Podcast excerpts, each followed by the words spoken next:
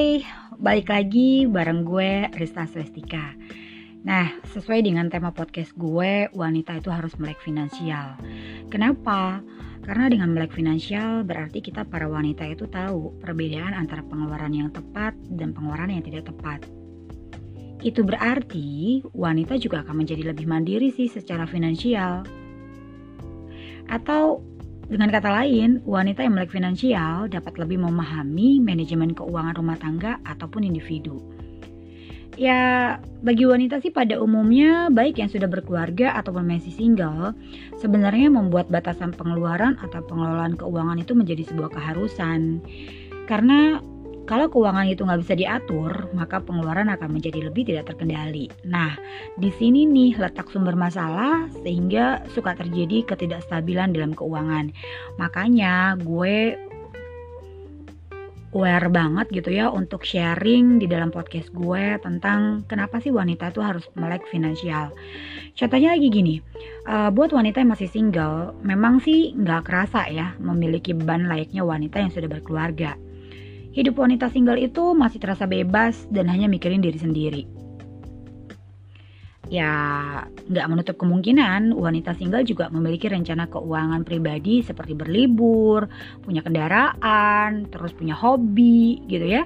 Bahkan menggunakan pendapatan dari bekerja untuk memanjakan diri sendiri, bersenang-senang, hingga lupa bahwa ada hari esok tuh yang harus dipikirin. Ya, berbeda sih dengan wanita pekerja yang sudah berkeluarga, contohnya seperti gue. Setelah memutuskan untuk berkeluarga, rencana keuangan pribadi tidak bisa dijalankan lagi. Kenapa? Ya itu tadi, karena harus mulai merencanakan keuangan bersama pasangan. Ya, meskipun memiliki suami yang bekerja, tapi gue juga gak pernah ngerasa memiliki double income.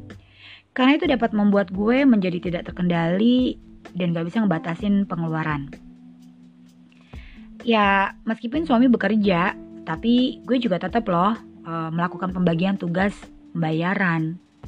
Contoh, misalnya untuk urusan domestik urusannya gue. Sedangkan untuk yang tujuan keuangan ke depannya itu urusan suami.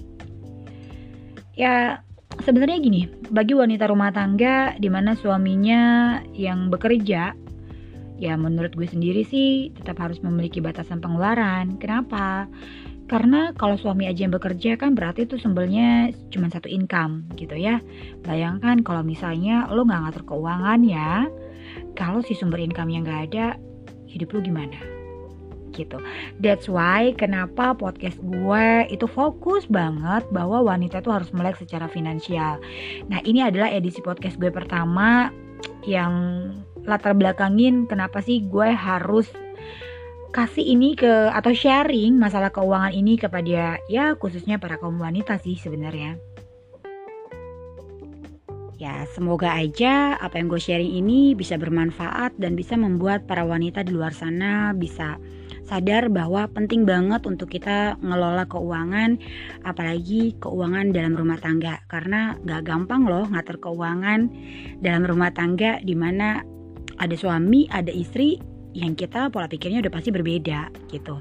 Nah, semoga edisi kali ini bisa bantu buat kalian semua.